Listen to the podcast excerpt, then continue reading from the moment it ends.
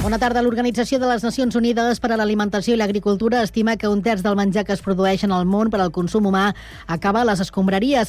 En aquest context, el Consell de Ministres va aprovar el 9 de gener un nou projecte de, la, de llei de lluita contra el malbaratament alimentari que contempla sancions de fins a 500.000 euros i un catàleg de bones pràctiques. Segons càlculs oficials, durant el 2020 es van llançar 1.364 milions de quilos d'aliments a les llars espanyoles, una mitjana de 31 quilos per persona. Més enllà de la llei, Sant Cugat ha impulsat diverses iniciatives per evitar que es tiri en a que es tiri el menjar. Poden ampliar aquesta informació a www.cugat.cat. És dimecres 31 de gener de 2024 i també és notícia que l'empresa Sant Cugatenca Fractus fa un pas endavant en l'avenç tecnològic dels dispositius mèdics. La tecnològica que va inventar les antenes internes en dispositius mòbils ha fet el salt al món mèdic després d'expandir el seu programa de llicències a dispositius com marcapassos o desfibriladors, entre d'altres. La directora de Màrqueting i Business Intelligence de Fractus, Marta Barba, explica, però, que no és una cosa nova. La cadena de supermercats Sorli obrirà quatre establiments a Sant Cugat, els primers de la marca al municipi. S'ubicaran al carrer de Valldoreix, l'Avinguda de Cerdanyola, Can Mates i la Rambla mossèn Jacint Verdaguer de Valldoreix. L'aterratge de Sorli a Sant Cugat suposarà una inversió de 20 milions d'euros i la creació de 108 llocs de feina, segons s'ha avançat a Cugat Media l'empresa. Júnior femení Sanse Complutense i júnior masculí Polo són els emparellaments dels quarts de final de la Copa de la Reina i del Rei que es disputarà del 15 al 17 de març a Benalmàdena. El conjunt femení s'enfrontarà amb l'equip madrileny que ocupa la setena plaça a la Lliga regular. En cas de triomf, les blau i negres s'enfrontarien a semifinals davant el vencedor del Polo, que és del Polo Egara. En el quadre masculí, els d'Oriol Torres jugaran davant el Polo, líder invicte de la divisió d'honor. En cas de victòria, les sancuatenques dels sancuatencs jugarien davant el guanyador guanyador del tennis Terrassa. I el primer equip masculí de l'handbol Sant Cugat s'imposa per 27 a 29 a la pista del Sant Vicenç dels Horts, amb matxco recuperat de la jornada 17 del grup C de la primera nacional. Els de Dani Arinyo han hagut de suar de valent per endur-se els dos punts davant un rival que ha competit en tot moment. Jordi Sancho, amb 12 gols, s'ha convertit en peça clau del triomf i es converteix en el màxim golejador de la categoria amb 159 dianes, empatat amb Nicolai Herrero del Camargo.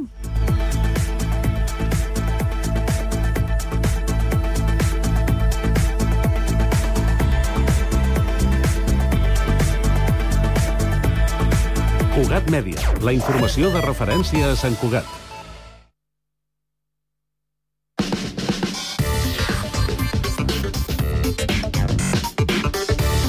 Cinc de la tarda, 3 minuts, inici de la segona i última hora d'aquest Connectats de dimecres. Anem amb la informació de servei i comencem pel trànsit. Roger Serra, bona tarda.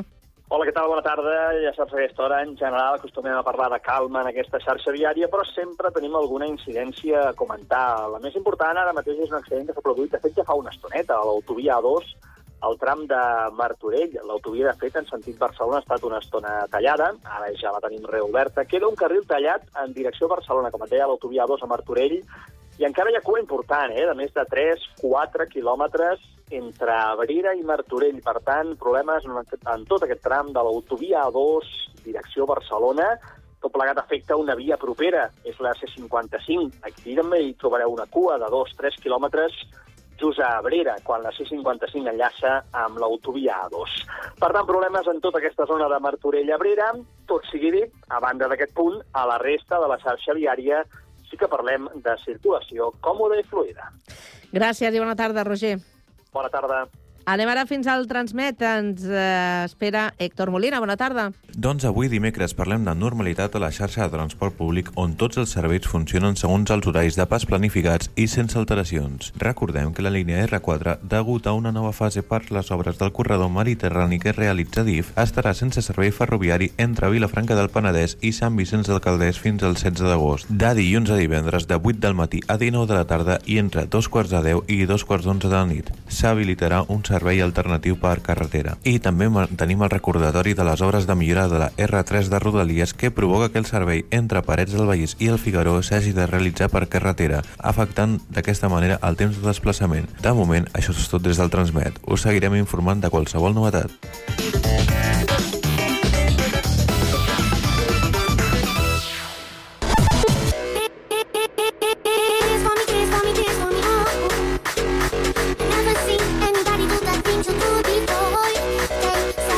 Connectats, una experiència radiofònica a Sabadell, Terrassa, Sant Cugat, El Prat, Castellà i Badalona.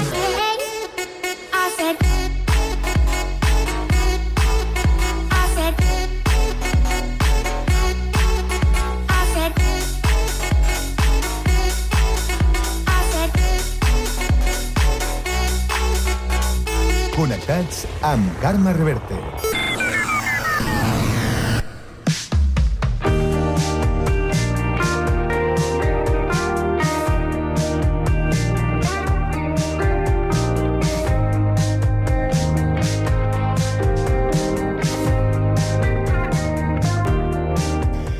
Mireu, al Connectats ens agrada molt seguir l'evolució de convidats que comencen un projecte i que a vegades el continuen fins a límits que no havien imaginat. Això és el que els ha passat a Los Bats de Sabadell i li hem demanat al Pau Duran que escollís una nova localització per tornar a parlar amb ells. On heu? On heu anat, Pau? Hem vingut justament a la Cava Orpí, que serà l'escenari del crim, per dir-ho d'alguna manera. Ja ho ha sigut, de fet, però tornarà a ser. Però els seus protagonistes, en aquest cas avui tenim el David Falguera, el Raül Maldonado i el Frank Guàrdia, aquests membres dels BATS tornaran a, a actuar aquí i, de fet, el que volem és que ens ho expliquin. Gràcies per venir, nois. No, gràcies a tu, un cop més, per comptar amb nosaltres i ajudar-nos a, a difundir tot aquest show que volem muntar aquesta vegada. Quina és la següent cita? La següent, doncs, bueno, és aquí ja mateix, on estem, eh, el dia 17 de febrer, en principi a les 21 hores, tot i que sempre diem que vinguin una miqueta abans perquè eh, es comença amb puntualitat britànica, no? Aquí amb un, amb un nou show, no? Aquest show serà diferent, però aquí ja se n'havia fet un. Com recordeu que va ser el, el bolo anterior a la Cava Orpí? Doncs bé, els bolos de la Orpí sempre els recordo amb, amb molt de carinyo, no? perquè veus la gent com realment s'entrega no? al concert, no és només venen d'espectadors, sinó que fan una mica de partícips d'aquest show, d'aquest recordatori als bats originals, no? perquè hi ha molta gent que ve d'aquella època i li agrada rememorar tot aquest, aquest, aquest rotllo.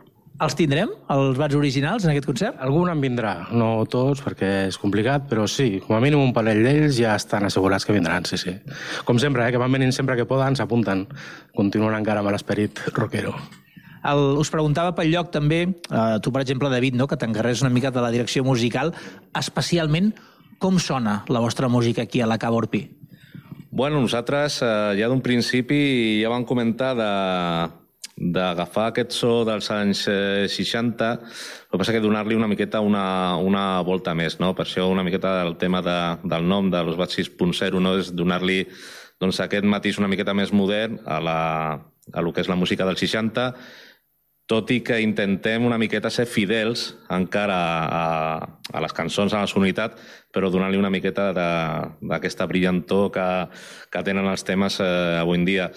Tocar, tocar aquí, la sonoritat és, és especial també, perquè bueno, tal, tal com està feta la, la cava, té una reverb ja natural que, que és molt característica i, i, i bueno, ajuda molt també a, a aconseguir aquest, aquest so uh, seixantero. O sigui que, que nosaltres, cada cop que estem aquí, estem encantats de, de, de tocar perquè li dona aquest, aquest rotllo de, del 60. Vull dir que, que és el que busquem, aquesta, aquesta sonoritat, per, per així dir.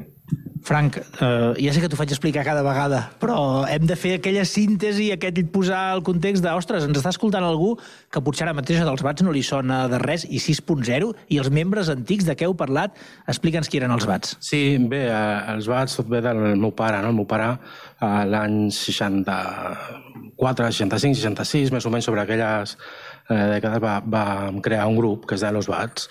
Aquest grup es va crear la Creu de Barberà de Sabadell eh, bueno, eren uns xavals humils de, de, no, d'extra, no? bueno, de barris humils, i bueno, tenia la necessitat d'això, de, de fer música. Ningú en sabia res, com passava molt en aquella època, i tot va ser pues, molt altruista. No? Cadascú, pues, mira, jo sé este acorde, no sé què. bueno, tot això van muntar ells un tinglat amb un local amb el que bueno, van anar arrastrant gent i es va crear el Club Juvenil. I ells van crear una banda que es deia Los Bats quan portaven un temps tocant, doncs volien, tenir la necessitat d'expandir de, una miqueta, de fer sentir-se i de... I aleshores doncs, hi havia molts grups i bueno, van tindre una idea pues, de dir hem de fer alguna no? alguna estratègia de màrqueting o alguna que ens, que, que ens destaqui sobre la resta, perquè grups bons n'hi ha molts. No?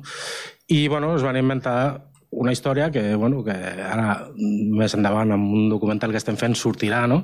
però es van fer pues, una cosa que va ser vendre's els esquelets per pagar els instruments, no? perquè no tenien cap recurs. Aleshores, doncs, clar, tot això eh, va ocasionar un reborbori important, no?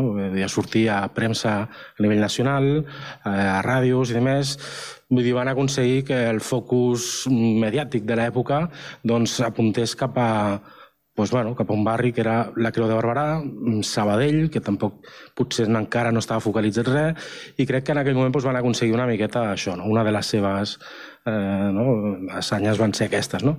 Eh, tot això després doncs, els va portar a, a gravar tres EPs amb la companyia Philips, eh, cosa que també era inaudit, perquè vull dir, els van trucar amb ells, no? vull dir que tot això va, els hi va generar realment un resultat important. Eh, avui en dia es parla molt del crowdfunding i tot això, doncs, bueno, potser també el van inventar, no ho sé, eh? però va ser una manera de, de, de, de crear aquesta tensió que els hi permetés fer després altres coses que amb altres grups potser eh, no ho van pensar amb la idea aquesta. No? Vull dir que crec que el seu logro, principalment, a part de la part musical, va ser eh, pues això, aquesta estratègia que entre tots van tindre aquesta genial idea de fer-ho no? I, i que va portar pues, a que a dia d'avui eh, encara ens truquin a vegades de gent com el pirata de Rock FM que va fer un llibre i surt amb el llibre tota aquesta història i de més, no? vull dir que no ho van pensar malament, la veritat és que els hi va resultar.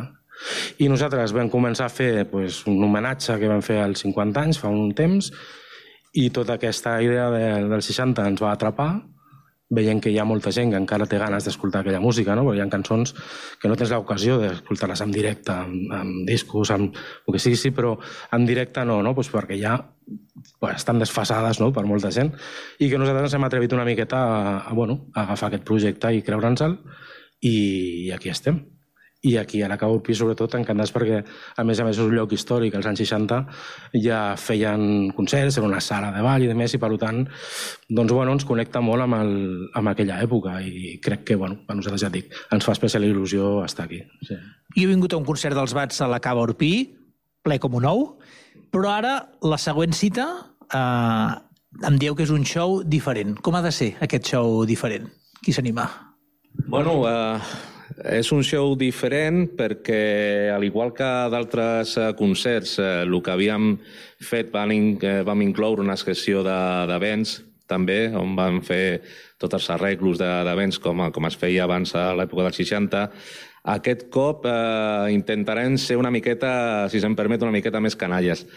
Més canalles en sentit més roqueros, eh, una miqueta amb, amb un so més sincer, amb un so eh, ampli pelat, Vull dir, volem, volem agafar una miqueta l'essència dels, dels, eh, dels anys 60 amb que sigui algú d'una manera fàcil, com es feia abans, amb els amplis, la bateria, el baix, tot per ampli, i, i tocar d'una manera més sincera, més rockera, més, més salvatge, per, per, per si dir-ho, eh, on hem agafat eh, temes nous, vale, perquè siguin una miqueta d'aquesta estètica, sense oblidar el, que, el repertori que ja, que ja toquem, que són temes eh, mítics eh, que estan fets dels anys 60, però sí que li volíem donar una volta perquè sigui més, més, més autèntic, eh, lligat una miqueta també a l'entorn que, on estem, perquè sigui com, com es feia abans, més, un som més sincer, eh, podria dir.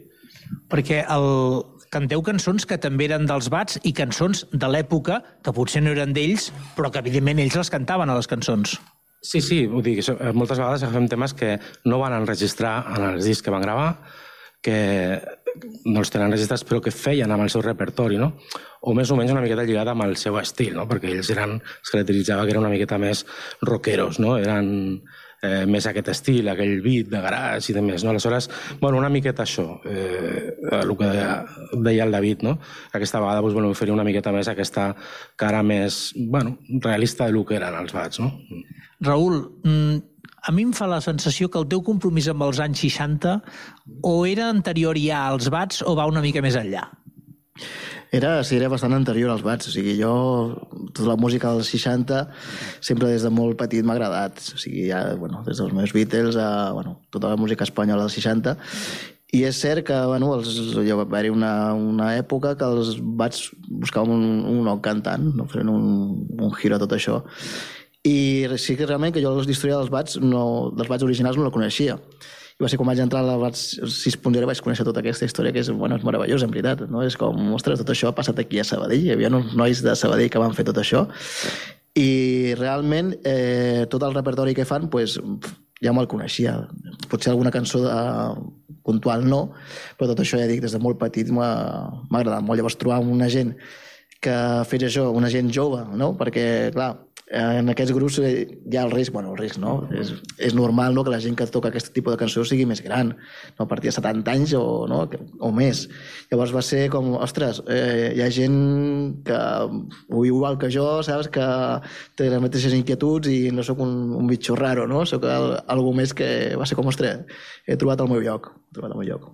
El que passa és que, clar, tu tens un paper complicat, perquè això que ens deia el David, per exemple, de dir, per una banda ha de sonar 60, però per l'altra també ha de ser una cosa que ara soni bé. Tu això ho has de fer amb la veu. Sí, clar, bueno, jo cadascú té el seu estil, no? Jo tinc el meu estil de cantar. Sí que és veritat que et pots en, inspirar més en, en un cantant de l'època o pots agafar alguna no, tesitura que faci a, a un cantant, però jo mm, canto, canto amb l'ànima més que res. O sigui, no és allò que digui, hòstia, ara faré això, faré altre, no? És, jo pujo a l'escenari i sale el que sale perquè sóc així. És a dir, potser un dia surt millor o pitjor, però el que surt és sincer. En tot cas, d'aquesta sinceritat i d'aquest compromís amb el 60, sembla que se n'ha anat fent una mena de, de capa d'oli, no? de, de bassa d'oli, perquè ja hi ha un altre concert previst que va més enllà dels bats i que abarca tota aquesta dècada. Sí, aquest cop... Perdó.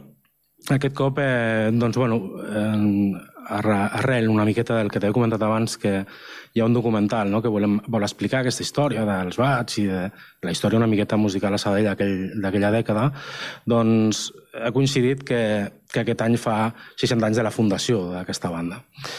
Aleshores, doncs, bueno, ens hem, bueno, no sé si dir aventurat o engrescat, millor, a fer un concert eh, que farem al, al Teatre Principal de, de Sabadell.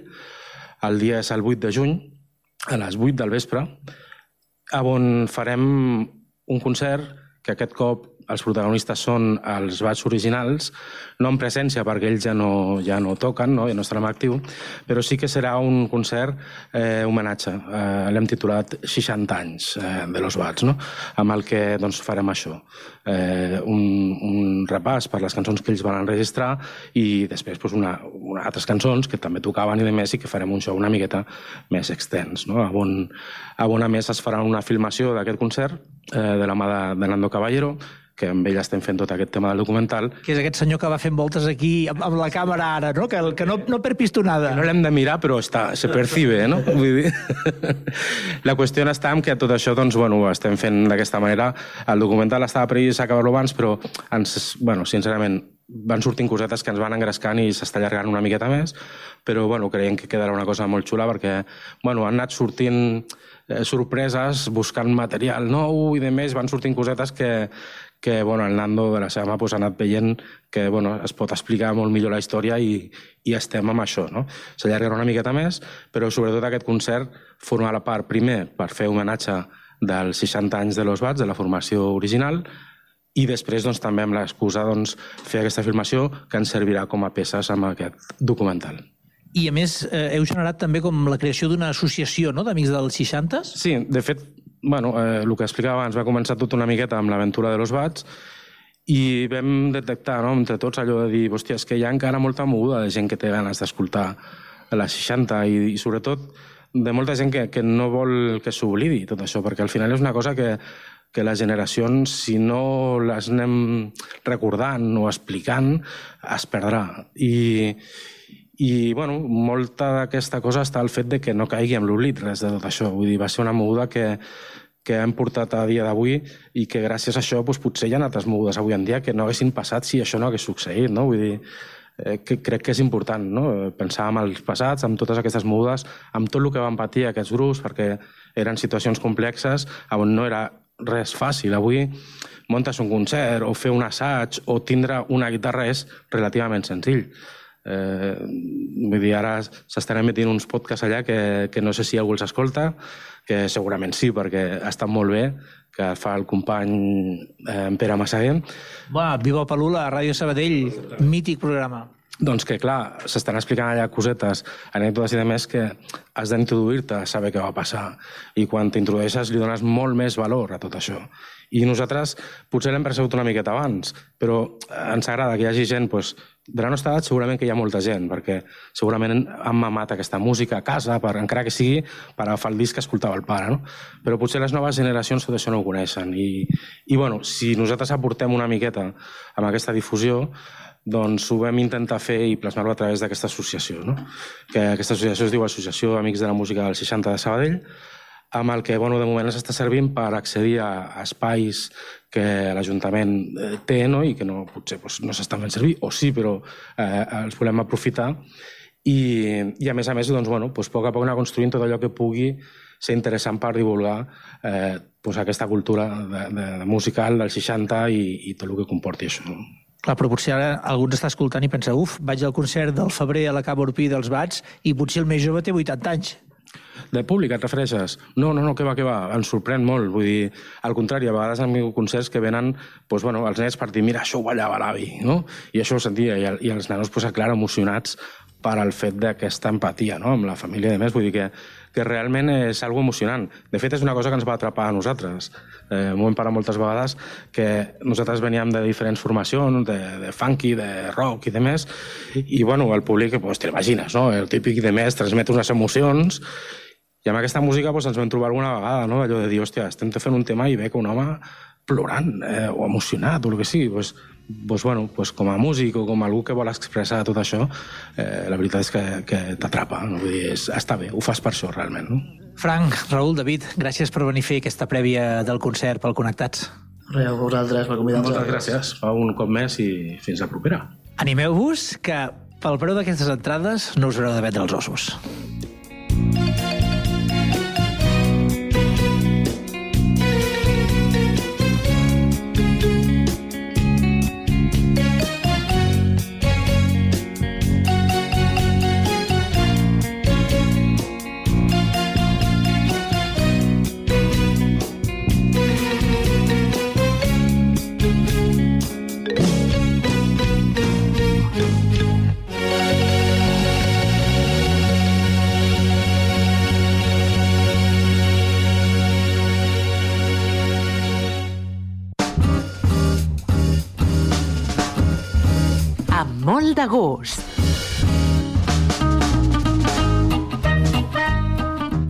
Aquest podcast és una producció de Ràdio Ciutat de Badalona.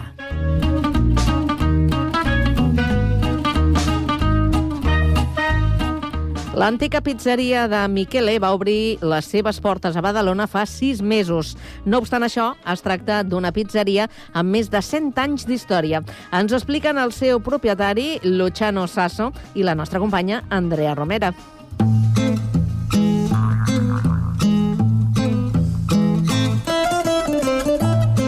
Avui a la secció de gastronomia ens anem fins a l'antiga pizzeria de Michele, el número 7 del carrer de la Pietat de Badalona.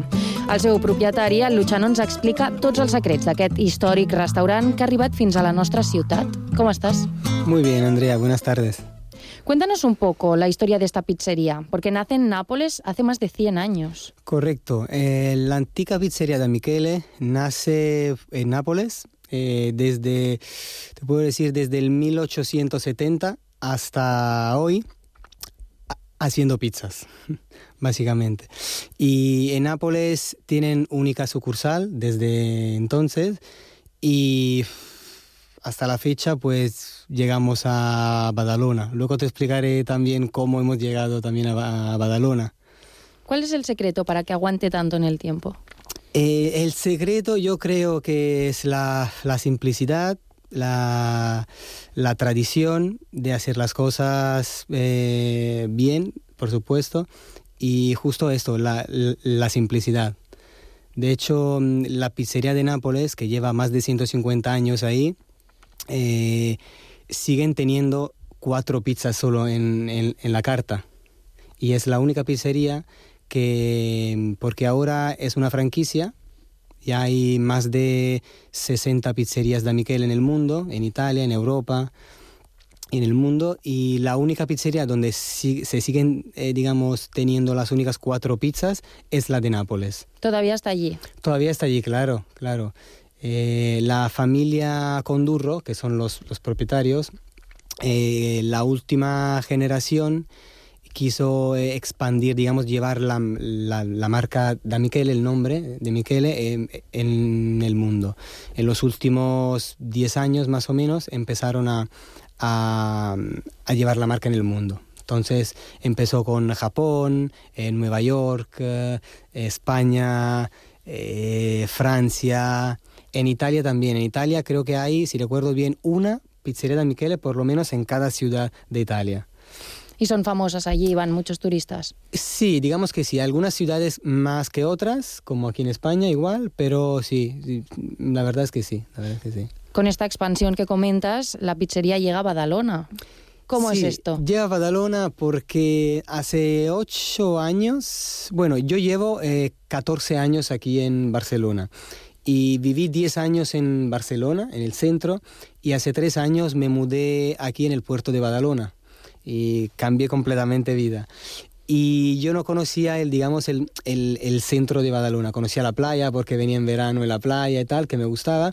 Y cuando descubrí un poco el, el, centro de Badalona, me gustó tanto que dije, que dije, hablé con mi socio y dije, aquí tiene que ser. Aquí me gustaría eh, la idea de, de, de una pizzería. Y también vimos que hicimos al- algunos estudios y tal, que no había tantas pizzerías tan tradicional, con horno de leña, con tanta historia. Y nada, y empezamos a buscar locales y por fin encontramos uno y la verdad estamos muy contentos. Hace poquito, ¿no? que estáis. Abrimos hace seis meses, eh, finales de junio, y, y estamos muy contentos, eh, muy contentos. Eh, hicimos, creo, un, estamos haciendo un gran trabajo y esfuerzo para, porque no ha sido fácil eh, por el hecho que en Badalona en- no, no llega todavía tantísimo turismo y entonces el 90% de nuestros clientes, el 98% son vecinos del barrio. Y entonces cada día es fidelizar a los clientes, eh, tratarlos de la mejor manera y así, está, está siendo un trabajo muy duro, pero la verdad para esos primeros seis meses estamos muy contentos, de verdad. Aquí en Badalona seguís haciendo las mismas recetas que se hacían en Nápoles hace 100 años. Sí. Con sí. el horno de leña, comentabas. Exacto, exacto. El horno de leña, como, como se respeta la tradición, respetamos la tradición.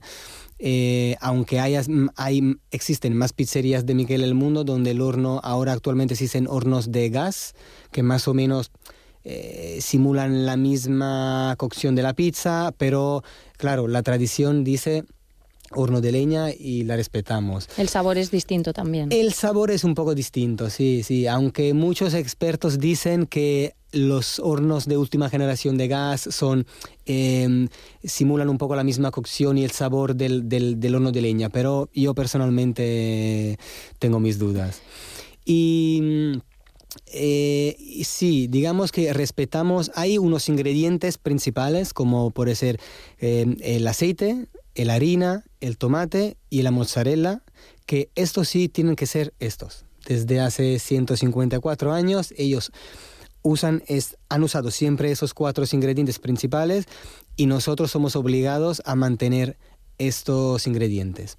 Luego, claro, en nuestra carta tenemos 20 pizzas diferentes y ya vamos cambiando un poco eh, ingredientes, pizzas para mm, mezclar un poco cosas, digamos, de, más tradicionales a modernas. Pero los cuatro ingredientes claves que, que usamos, como te decía, son estos. Y de ahí no podemos cambiarlos. De estas 20 pizzas, ¿cuál es vuestra especialidad?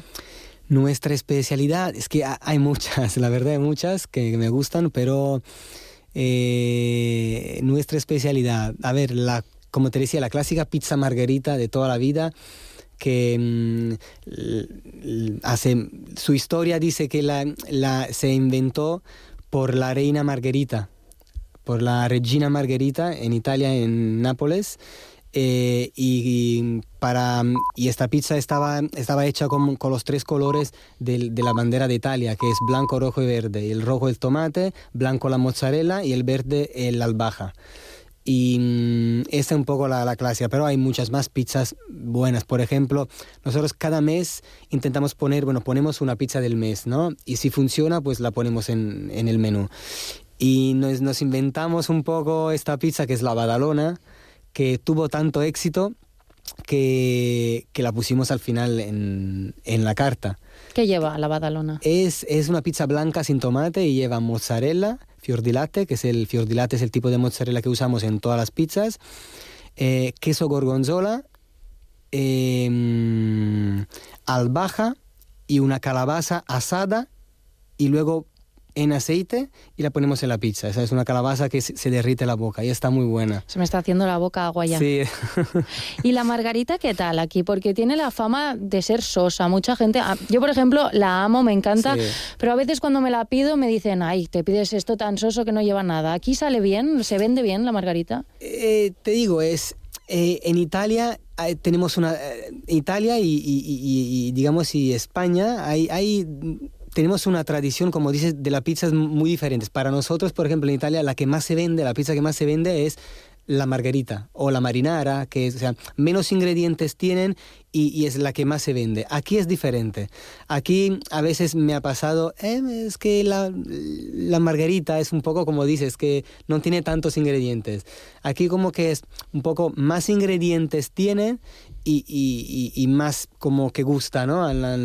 Pero hay de todo, eh, digamos que hay de todo. Eh, hay, hay, alguna, hay muchísimos clientes que le gustan las pizzas con pocos ingredientes, pero yo creo que eh, te voy a dar la razón. Aquí como que la- las pizzas más ingredientes tienen y más se venden, como una caprichosa, que llevan, por ejemplo, alcachofas, jamón dulce, champiñones, tomate, mozzarella, más, cos- más ingredientes llevan y más como que más interesante. ¿no? Más, llaman más la atención. Nosotros, por ejemplo, en Nápoles oh, siempre decimos que la cantidad no hace la calidad. Entonces, para una pizza, no, no porque tenga más ingredientes, tenga más calidad o, o eso. Una de las características de vuestras pizzas es que sobresalen un poco del plato. Sí, eh, esta es, es otra historia que viene desde, desde, desde hace más de 154 años. Eh, Michele Condurro, que es el fundador de la antigua pizzería de Michele de Nápoles, en el 1870 ellos eh, inventaron este tipo de pizza, de, mm, de pizza que se, que, que- se llama la, la ruota di carro, o sea, la rueda de carro, que es como una pizza que muy, muy, muy fina, típica masa napolitana y muy estirada, que tiene que sobresalir del plato. El plato son 36, 36 centímetros más o menos y la pizza tiene que sobresalir 12, 3, 2, 3 centímetros del plato. ¿Por qué? Porque ellos ah, en- en- hace muchos años cuando era la pizza nació en Nápoles como eh, un plato para los pobres y entonces de esta manera ellos inventaron que con muy poco dinero tú podías comer una pizza tan grande y como que, que te quedabas bien con poco dinero con una pizza tan grande. Y claro esto es un es lo que nos diferencia un poco de la mayoría de las pizzerías, porque actualmente hay muchísimas pizzerías que hacen la pizza como contemporánea, que, se, que, hace, que es una pizza mucho más pequeña, con el borde muy pronunciado, muy alto, y nosotros lo que nos diferencia es cuando es un poco como el efecto wow, cuando servimos la pizza todo el mundo se queda wow, como esta pizza tan grande, tan... Y, la historia es esta, ¿no?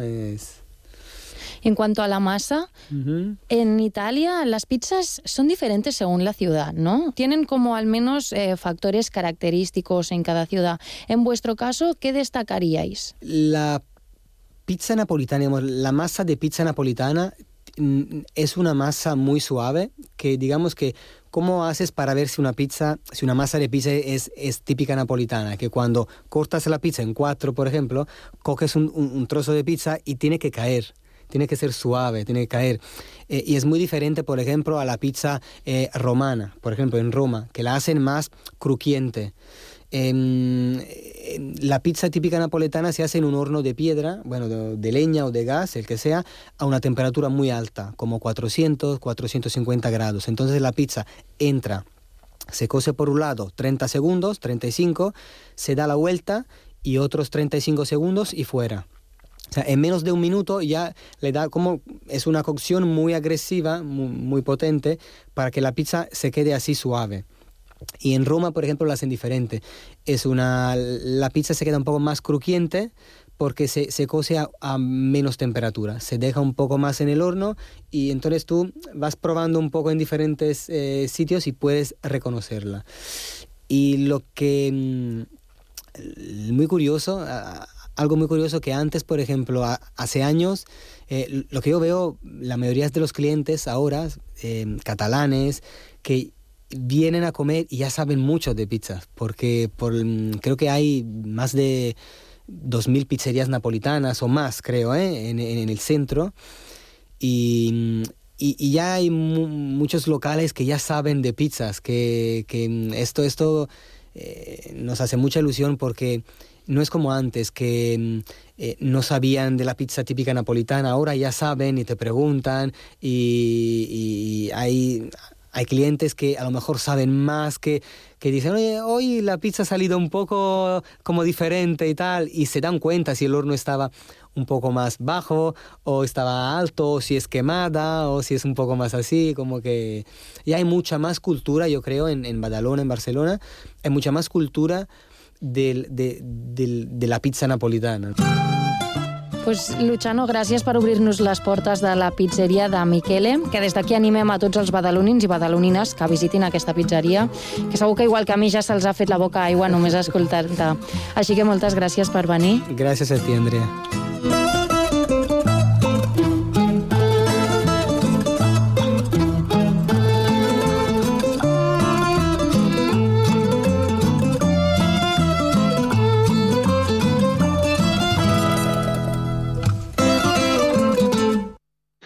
Hola, em dic David i sóc del Prat i us volia recomanar un llibre que es diu Tothom ha de morir. És de l'escriptor Xavier Teros i és una novel·la històrica, està ambientada amb la Guerra dels Matiners, també coneguda com, la, com, un, com una de les tres guerres carlines que hi va haver a Catalunya a l'any 1848 i bé, és una, una història d'aventures, de crims, de, de, de lluites i sobretot una de les coses que més m'ha agradat és com reflecteix la Barcelona de, de mitjans del segle XIX perquè el Xavier Teros és un gran coneixedor de la història de Barcelona i realment explica llocs, situacions i costums que, que criden molt l'atenció. La lluna es posa vermella quan descobreix el teu art. I ens hi posem tan fort que portaríem Dos som un, descobrim un món profund i donem llum a mil ciutats. Vam néixer per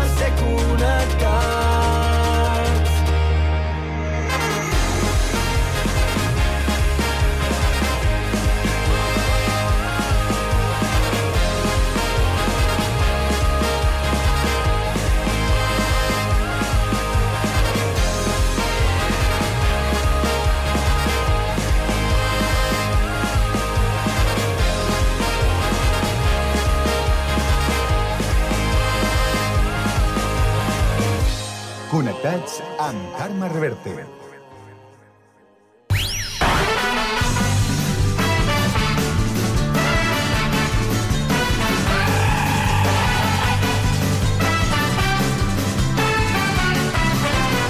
Coses d'ara. I am Francisco Vasquez Garcia. I am welcome to Alemania. Per si no havia quedat clar, coses d'ara, el que substitueix el coses d'antes, però la qüestió és que el parell que presentava el coses d'an- d'antes és la mateixa parella que presenta el coses d'ara. Vaja, que ho farem fàcil. Oriol Carreras, Sergi Estapé, molt bona tarda. Escolta'm una cosa, Oriol. Digue'm, Eh, bona tarda. Dir, Bona tarda. dir bona tarda. Si abans fèiem el coses d'antes... Sí. I diríem que el d'antes era així una brometa, coses d'abans Sí. i tal. El coses d'ara no hauríem de dir coses d'oi? Cas... Ah, mira. mira. Veus? Ah, ara ah, et pensaves que anava... Eh, No, eh, anaves a dir una altra cosa, no Ah, sé.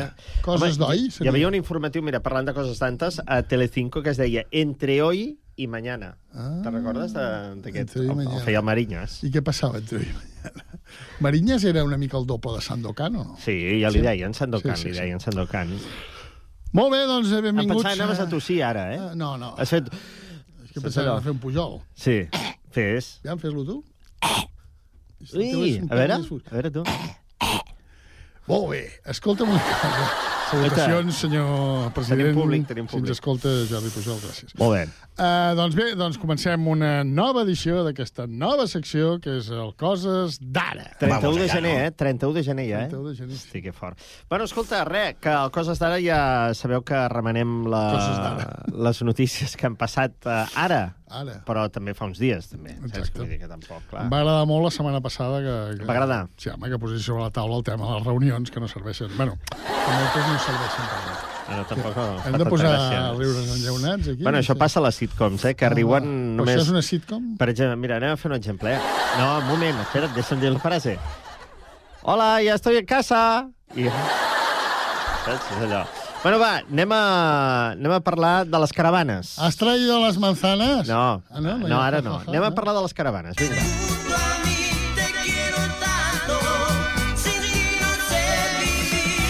Ja, això, caravana? Què passa, què passa? No, no, t'estic, jo estic expe- expectatiu. No saps qui són? A més a més, encara que la gent no s'ho cregui, jo no sé de què tractarà avui l'Oriol. Tant. No, no. Ara, aquests? clar, t'espolses aquí les coses, saps? Puguem dir, jo aquí, jo No, aquí, no, no, jo aquí, és a el mi m'és igual, a 99% mi és... eh. de les vegades, home, pensa que un dia No saps qui són? No saps qui a són? Però saps qui són o no? El, la quinta estació? No. Caravana. Es diuen caravana. Si parlem de caravana, aquests són les caravanes. Mm. Temazo. Bueno, és que, clar, què busco jo per il·lustrar... Tenen un subgrup que són els campers? No, no, no, es diuen caravana. Caravana amb K, a més. Mm. Bueno, escolta, els caravana, eh, els he posat per il·lustrar la següent notícia, que hi ha molts robatoris. Es veu que a la, a l'APC hi ha molts robatoris. Mhm. A banda de retencions i cues, hi ha robatoris. Uh, Hi ha aprofiten... tractors? Eh, No. Home, tractors n'hi ha molts. No. Tu, tu has circulat últimament per la P7? No. No? No. Ei, és un temazo, eh? Després te'l passaré, després te'l passaré. És un temazo. Bueno, doncs, eh, el cas és que els lladres aprofiten eh, eh, a fer aquests... Eh, com que hi ha aquestes retencions, a fer sortir els ocupants. A dir, ah, que tinc un problema, no sé què. O que, tu, o que tu tens un problema, no? Que dius, ostres, mira, la roda... La roda fumuda. No t'has trobat a vegades circulant que et diuen eh, la porta que està mal tancada? No te'n fiïs. No, no. No No te'n te'n fiïs. pots enfiar. Ahir, vaig- ahir vaig rebre dos vegades, el que passa que la segona va bloquejar el mòbil mateix, aquells de hola, soy no sé dónde, tu pariente... Ai, no ai, ai, dinero". ai, No m'havia passat mai. Bé, Ui. Bueno, jo, jo faig, tinc una tàctica, eh? però bueno, és igual, ja no, l'explicarem. ja un altre l'explicarem dia. un altre dia. Doncs, Amb eh, coses d'ara intermig. Ah, exacte. Uh, es veu que una parella anava amb una caravana, no? Una cosa...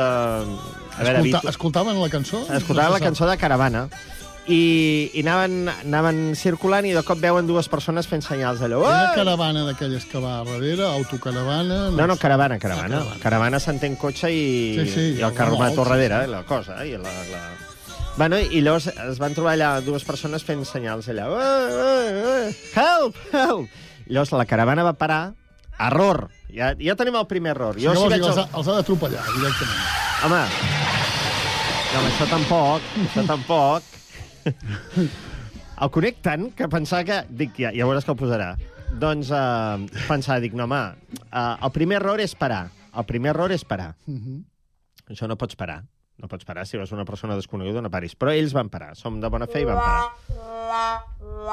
I què va passar? Doncs que els van dir, no, és que mira, és que tenim un problema i tal. Doncs amb, amb això el que van fer va ser intentar robar la caravana, tot i que els, els turistes que duien aquesta caravana els van enganxar i els van dur als Mossos. Amb això, què vull dir? Què vull dir? Què vull dir? Escolta. Doncs que no, no us atureu, borrots, a la, a la Us carretera atureu, ni a les home. autopistes. Per què us atureu? A, amb gent... Però això... això No t'aturis, noi. Això és una cosa que es feia molt abans de fer auto, autostop. Vale? O sigui, era una cosa molt corrent. És a dir, hi havia gent que fins i tot havia voltat el món fent autostop, cosa que ara està prohibida. Ho saps, això, no? Sí, sí. Però tu t'imagines que algú ens està escoltant dins d'una caravana i en aquells moments, mentre li estem explicant això, Sí. l'estem- l'estan dient pari, pari, i para? I para, Home, seria ja para. el combo, seria el burro. Però si ja et diuen no agafis el telèfon... Si et truca un número... Però ja et diuen no agafis el telèfon si et truca un número desconegut. Clar, spam, ja ho posa, amb I els telèfons ja ho sí, posa. però Esto puede l'agafes. L'agafes. Burro! No l'agafis. molt. Hi ha, hi ha empreses que, que no sé per què et truquen i t'hi poses i ja pots... Sona una música, ja saps que et volen vendre alguna cosa. Clar, penges directament. Sí, sí, no poseu la música, eh? Clar, has de posar la caravana, posa la música de la caravana. Bueno, atenció perquè hi ha 3.500 robatoris a les autopistes i autovies, eh? Mm. 3.500 robatoris. Cada, cada dia? No, no, ah. bueno, en el, això és el cúmul d'un any. Ah, Durant un any, 3.500 robatoris. És molta, molta, molta, molta, molta, molta gent robant. I tots amb aquest sistema? Bueno, la majoria amb, amb sistemes d'aquest tipus. També hi ha l'altre, que és a les benzineres. De totes formes, deixa'm dir una cosa. Si Endavant, sisplau, Sergi Estapé, aviam, bona tarda. Aquesta gent, si els veus ja a la pinta, dius... Ah! Digues, sí, digues, però els- ja, aquí, aquí t'equivoques. Ah. Perquè a vegades... Van amb traje i corbata. No, home, però a vegades qui menys et penses és qui més fa. Quien más te quiere te hará llorar. Clar. al cap. Segur que a la teva empresa hi ha algun que dius ui, aquest, aquest fot una pinta de... Sí, algun n'hi ha, sí. Veus? Aquí no, aquí... Quina empresa? Jo no tinc cap empresa. Ah, no? Jo no en tinc cap. Casa teva. Bueno, jo sóc la meva pròpia. A la teva. tu. Bueno, escolta... Um... Deies les benzineres. Deia les benzineres. Les benzineres també aprofiten, per exemple, quan estàs carregant allà, saps, de benzina i tal, pum, també venen allà... Perquè dius, va, vaig a comprar una barra de pa, també un altre error, comprar pa a les benzineres. Però bueno, la gent ho fa, eh? Però ara venen pa a tots llocs, no? Tu creus que hi ha alguna entitat bancària que ven pa o no? Sí, i és pa? Perquè, clar, és que et diuen pa, però jo no sé. És un succedani. Jo hi ha una benzinera que... mm, No sé si dir-la. Està a la carretera de Martorell. Val. És una benzinera bastant gran, que Mhm. sembla Gran. un Carrefour, tranquil·lament, ja, eh? Sí? O sigui, hi ha pollastres a l'ast i tot, eh? Què dius? Que sí, que sí. Hi ha pollastres a l'ast. O sigui, tu vas allà i et donen un pollastre a l'ast. Si tu vols... Dius, allò, saps? Allò de vaig a que va donant voltes. Póngame 50, o cinc, quanto pollastre. 30, 30 euros i posi'm dos pollastres. I un poll... Sí, sí, sí. I uns sí. canelons, també? Sí, sí, sí, sí. I per Nadal, no, canelons... Bueno, canelons sí, ara que ho dius sí. I, i també... I també torrons per Nadal. De veritat, sí, sí. Jo trobo més fora els pollastres, vaja, no sé. Home, però aviam, això és més lògic que no, per exemple... Amb una benzinera. Que, que, que truqui, trucar un de Globo perquè et posi la, porti la gasolina. També és veritat, també és seria veritat. Més... Bueno, dir-te que arran d'això de les caravanes i els cotxes i tal, m'ha vingut una mica l'ítem de les pel·lícules. Mm. Saps que, que a les pel·lícules mai passa que hi ha robatoris. I mira que deixen els cotxes oberts. Per exemple, quan aparquen un cotxe sempre el baixen, baixen el vidre, Ja està, sí. que ho fan pel reflexe de les càmeres perquè no es vegin. Però és igual. O sigui, la imatge que donen, o sigui, el missatge que donen és tu aparcar el cotxe, deixant les claus a dintre i amb el vidre baixat. És veritat o no? Sí, sí, com les escenes en les quals el, una parella, siguin homes o dones, home i dona, acaben de fer el que acaben de fer i la dona surt vestida i l'home amb els Sí. pantalons. És a dir, tampoc eh, seria com... Bueno, allò no, que lògic. es posen arran de... Ah, exacte. Eh, el llençol arran de coll. Com? Que això ho vam parlar una vegada Coses d'Antes. Sí, és veritat, que, ho vam tocar. Aquells que, que, que van amb un taxi i, i li paguen, no, no els hi diu el taxista, són 13,50. No, no, li donen uns bitllets i el taxista es conforma. També és veritat. I no sé si t'ha passat anant en cotxe que intentes buscar on és el seguro, saps allò, els Sí, seguros? sí, sí. Perquè abans estaven al costat de... a la porta, estaven allà, era un, un botó que baixaves i Sí, ja sí, està. sí. Ara no. Ara, Ara hi ha bus... un centralitzat que... que, que Bueno, sí, centralitzat, busca'l. A mi, a mi Bueno, almenys a mi m'ha costat de trobar alguna vegada. Sí. Saps? Algun moment d'inseguretat de dir... Habitualment està uh, on hi ha el triangle, Ara ja s'ha entès. sota, Ara ja normalment és allà. Haurien de posar una llum més. Una Allò, llum més. Una llumeta, Un una, una cartell. cosa, un cartell. Un cartell. No, idiota, està aquí, saps? El seguro està aquí. I antes, mira... Ici, le seguro... Eh, com seria? Le seguro... Le, le, la segureté... Eh, sí. Eh, Is here de, seg i de segurances. I llavors una altra cosa, que sempre anem a coses d'abans, doncs mira, coses d'abans, robatori, el robatori de cotxe. O sigui, quan robaven un cotxe, el primer que s'enduien abans, eh, estic parlant dels anys 70, 80, 90, Estàs parlant d'entrar dins, eh? no de robar i emportar-se. no, no, d'obrir el cotxe, d'obrir el cotxe, ja aconseguir obrir el cotxe, Bueno, depèn. Amb una patada al xaval que ja s'obren.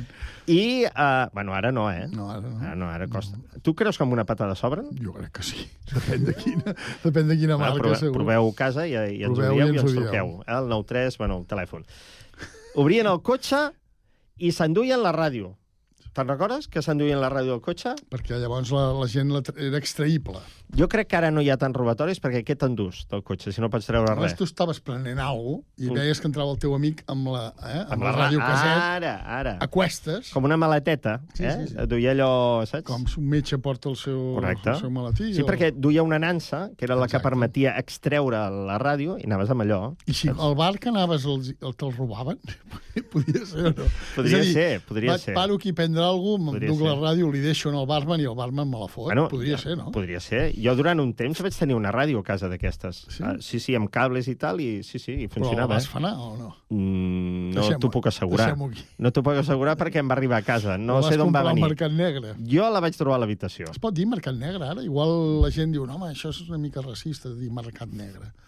Sí, no, pots dir marca negra. Anem parlant de... Vull dir, anem, No, no, no. anem de pal a pal, eh? Jo, jo et deia això de la ràdio perquè eh, també em venia a to això que deies del bar de, dels que van amb les gàbies. Sí, sí, sí. Ah. Si anaven carregats amb les gàbies, Sí, sí, sí. d'ocellets i això. Però tinc una altra notícia, eh, Sergi? Tinc una altra notícia Ah. relacionada amb els xiclets. Ah, i això... Sí, la colar o fas no? dos, sí. I no? Sí?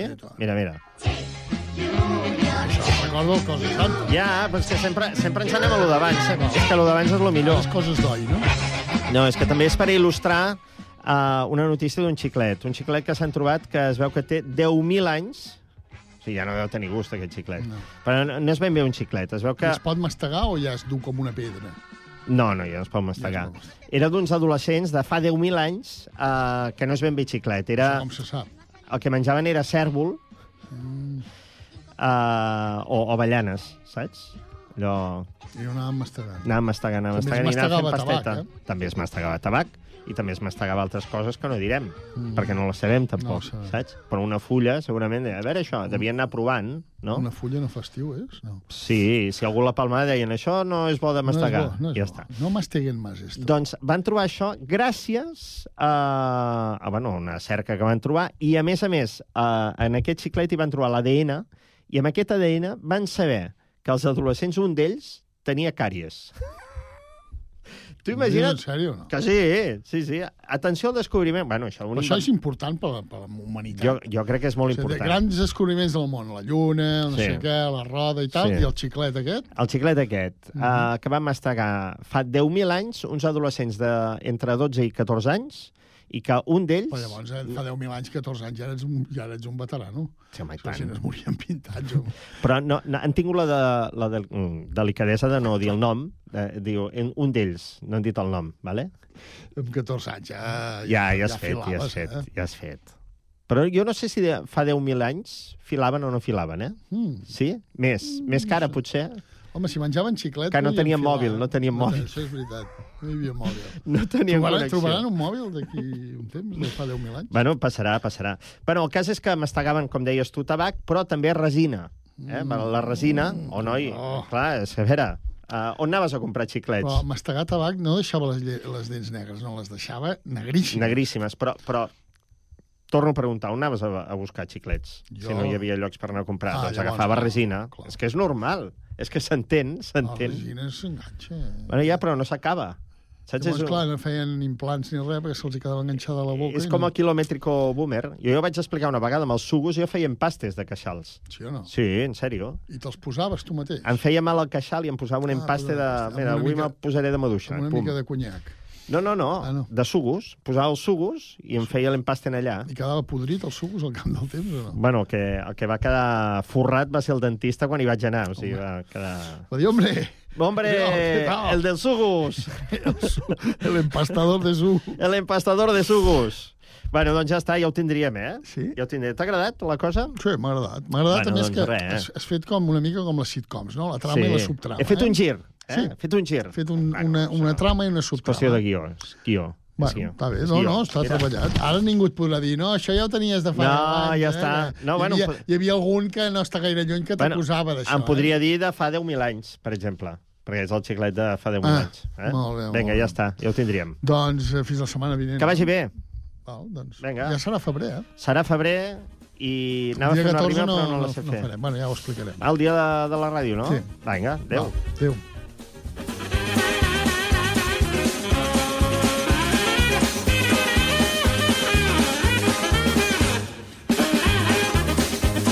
Bé, doncs avui molt puntuals, eh? Sembla que les dinàmiques van eh, canviant. Avui, mira, eh, ens hem entretingut una miqueta amb el tema dels eh, robatoris i recordant, eh, vells temps amb els extraïbles de... el radiocaseta extraïble de, dels cotxes. Bé, doncs, eh, gràcies als dos. Eh, dimecres que ve més, sí, segurament. Dimecres que ve coses de- d'antes i coses de d'antes i d'ara. Totes, les que vulgueu. Senyors, fins aquí arriba aquest Connectats de dimecres. Demà més, a partir de les 4 i 3 minuts, edició de dijous, d'aquesta setmana de pont entre gener i febrer del Connectats. Adéu-siau!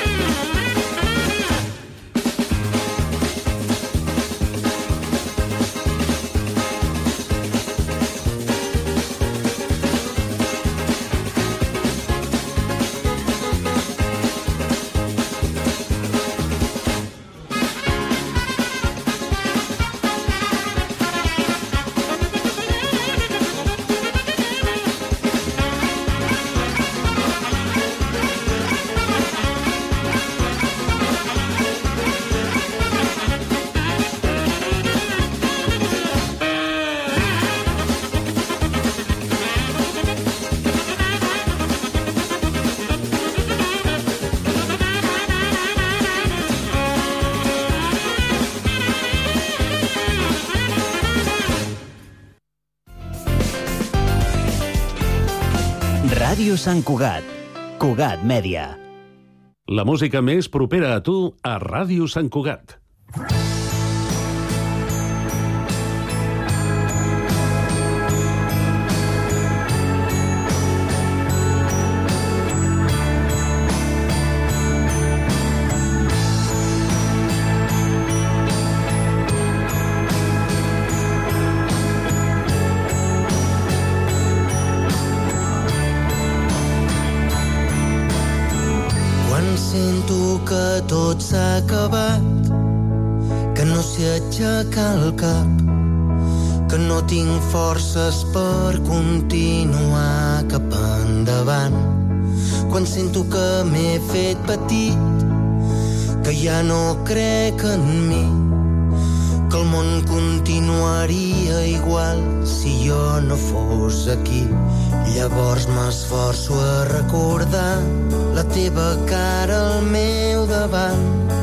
La meva orella escoltant la teva veu baixet parlant, dient que guanyar-me el destí només dependria de mi. I vaig prometre prendre el repte a partir